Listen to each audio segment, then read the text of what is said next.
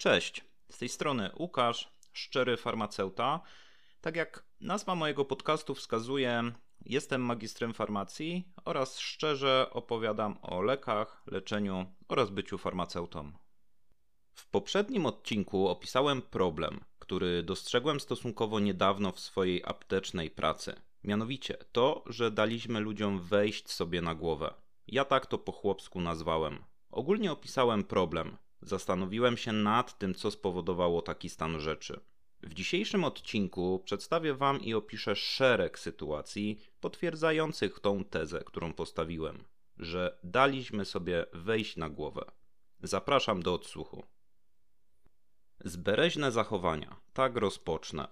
Przesadna grzeczność w aptekach spowodowała ośmielenie ludzi względem pracowników. Coraz więcej mężczyzn idąc do apteki ma przeświadczenie pod tytułem Przecież idę do apteki. Tam nic mi nie mogą zrobić i powiedzieć. Przez to takim delikwentom puszczają często hamulce. A zbereźnik, który raz spróbuje i się nie sparzy od razu, będzie wracał i nękał tą osobę albo pozostałe. Poczuje się bezkarny i uzna, że ma przyzwolenie na tego typu zachowania. Kto na bieżąco słucha mojego podcastu wie, że temat jest świeży. Nagrałem dwa odcinki na temat zbereźnych zachowań pacjentów w stosunku do kobiecej części personelu aptecznego. Nie będę się tutaj rozwodził na ten temat zachowania. Zainteresowane osoby odsyłam do przesłuchania odcinka numer 26 i 28. Obarczanie psychiczne. Nad tym punktem chwilę się zastanawiałem, czy umieścić go właśnie w tym temacie. Po głębszym namyśle uznałem jednak, że ja zaliczam go na poczet tak zwanego wejścia sobie na głowę. Dlaczego? Bo jest to pewnego rodzaju obarczanie drugiej osoby.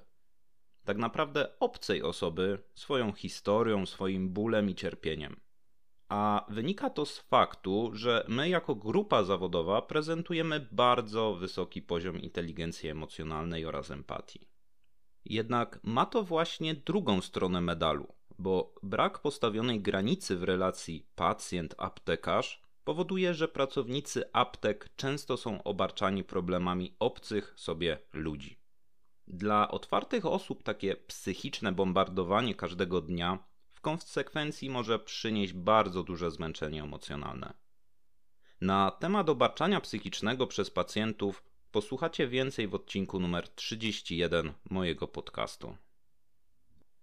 Żądanie zwrotów.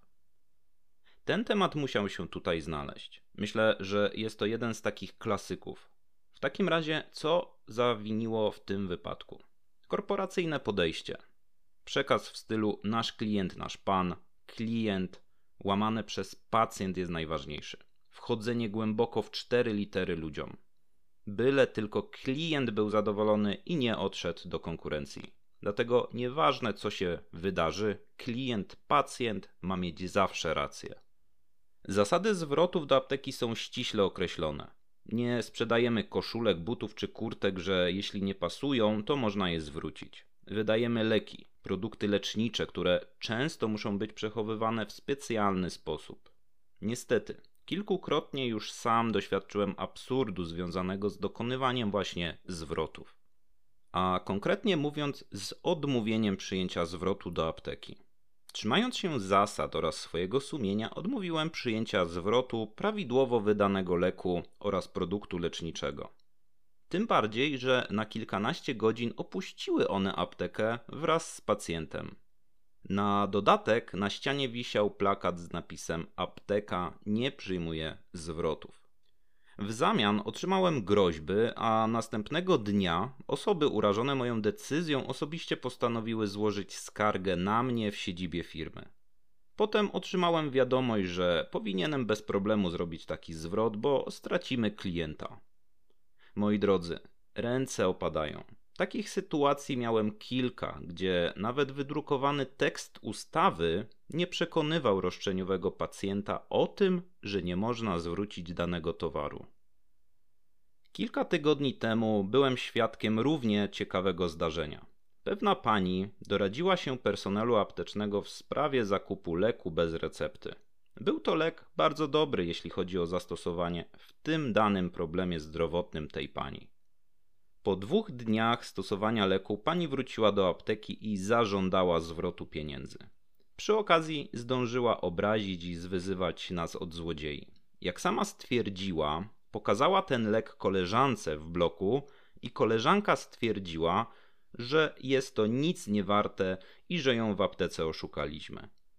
Dlatego czym prędzej pani pośpieszyła do placówki aptecznej i w furii zażądała zwrotu. Przecież w każdym sklepie można zwrócić rzeczy, tym bardziej, że ją oszukaliśmy. Po pół godzinie tłumaczenia pani poprosiła o adres siedziby firmy. Kolejny punkt to zachowanie. Pod tym ogólnym hasłem skrywa się wiele mniejszych hasełek. Na przykład pośpieszanie. Proszę w miarę szybko przygotować te leki, zaraz autobus mi odjedzie. Może się pan pośpieszyć? Zaraz mam autobus. Spoglądanie na zegarek, sapanie, stukanie palcami o blat stołu. Kolejne zachowanie to żądanie obsługi poza kolejką. Wpychanie się do okienka, gdy obsługujemy jeszcze innego pacjenta. Pretensje o to, dlaczego to tak długo trwa, dlaczego tak jest wypisana recepta, dlaczego tyle tylko opakowań jest wypisane na tej recepcie. Coraz częściej i to naprawdę coraz częściej zauważam, że ludziom się nie chce nawet powiedzieć dzień dobry. Podchodzą do okienka, nie odpowiadając na nasze przywitanie i mówiąc tylko numer recepty. Kilka dni temu sprawdziłem nawet licząc, ile osób odpowiada mi dzień dobry. Na pierwszych 20 swoich pacjentów 10 nic nie powiedziało. Bardzo często też po prostu wychodzą z apteki, nie mówiąc do widzenia. Rozmawianie przez telefon i to również w trybie głośno mówiącym, także że wszyscy dookoła wiedzieli, jaką niesamowitą rozmowę ktoś prowadzi.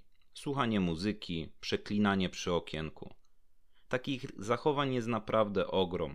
Wymieniłem tylko kilka, nie opisując ich dokładnie, bo ten temat zasługuje na osobny odcinek.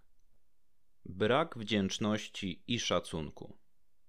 To kolejny temat, nad którym chcę się trochę bardziej skupić. Wiele miałem sytuacji, gdzie załatwiłem komuś na przykład jakiś deficytowy lek. Ściągałem go z innej apteki. Kombinowałem zamówienie go przez różne kanały interwencyjne. Dbałem o to, żeby niektóre leki były w jak najniższej cenie. Zdarzało mi się nawet jechać prywatnym samochodem, wykupić gdzieś w innej aptece ten lek, żeby tylko pacjent go dostał. Gdybym miał Wam przedstawić procentowy rozkład tego, co otrzymuję w zamian, to myślę, że góra dwie osoby na dziesięć były mi wdzięczne. Dziękowały, widać było, że były szczerze wdzięczne. Trzy kolejne osoby ani nie były zadowolone, ani marudne. Pięć pozostałych osób miało zawsze jakieś ale. Dlaczego tak długo mam czekać na ten lek? Dlaczego szybciej nie może pan tego leku sprowadzić, przywieźć do apteki?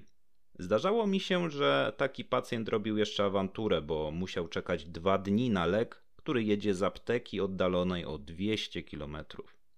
W swoim pierwszym odcinku mojego podcastu opowiadam swoją historię sprzed kilku lat, gdzie poświęciłem blisko 3 godziny swojego czasu, aby własnym samochodem jechać po pewne testy skórne dla pacjentki, która rzekomo miała pilnie wyjeżdżać tego dnia.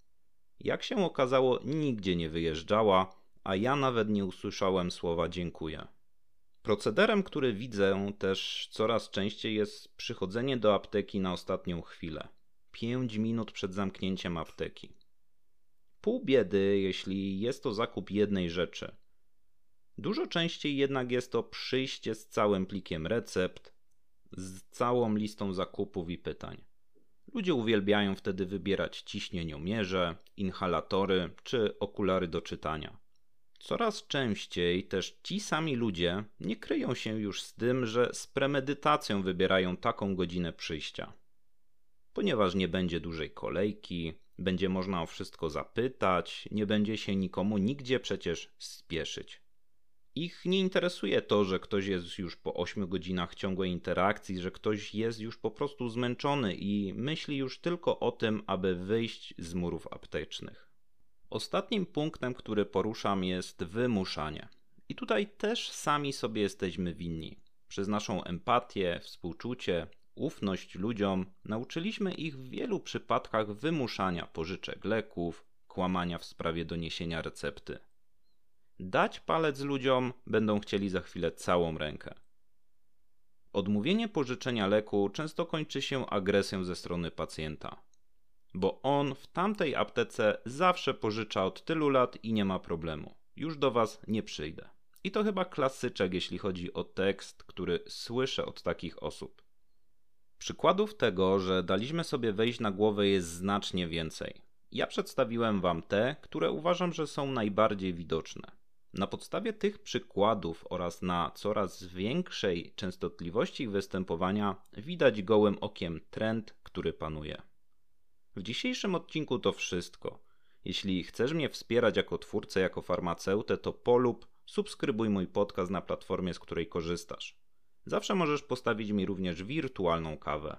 Zapraszam Cię na mój Instagram szczery farmaceuta i do usłyszenia.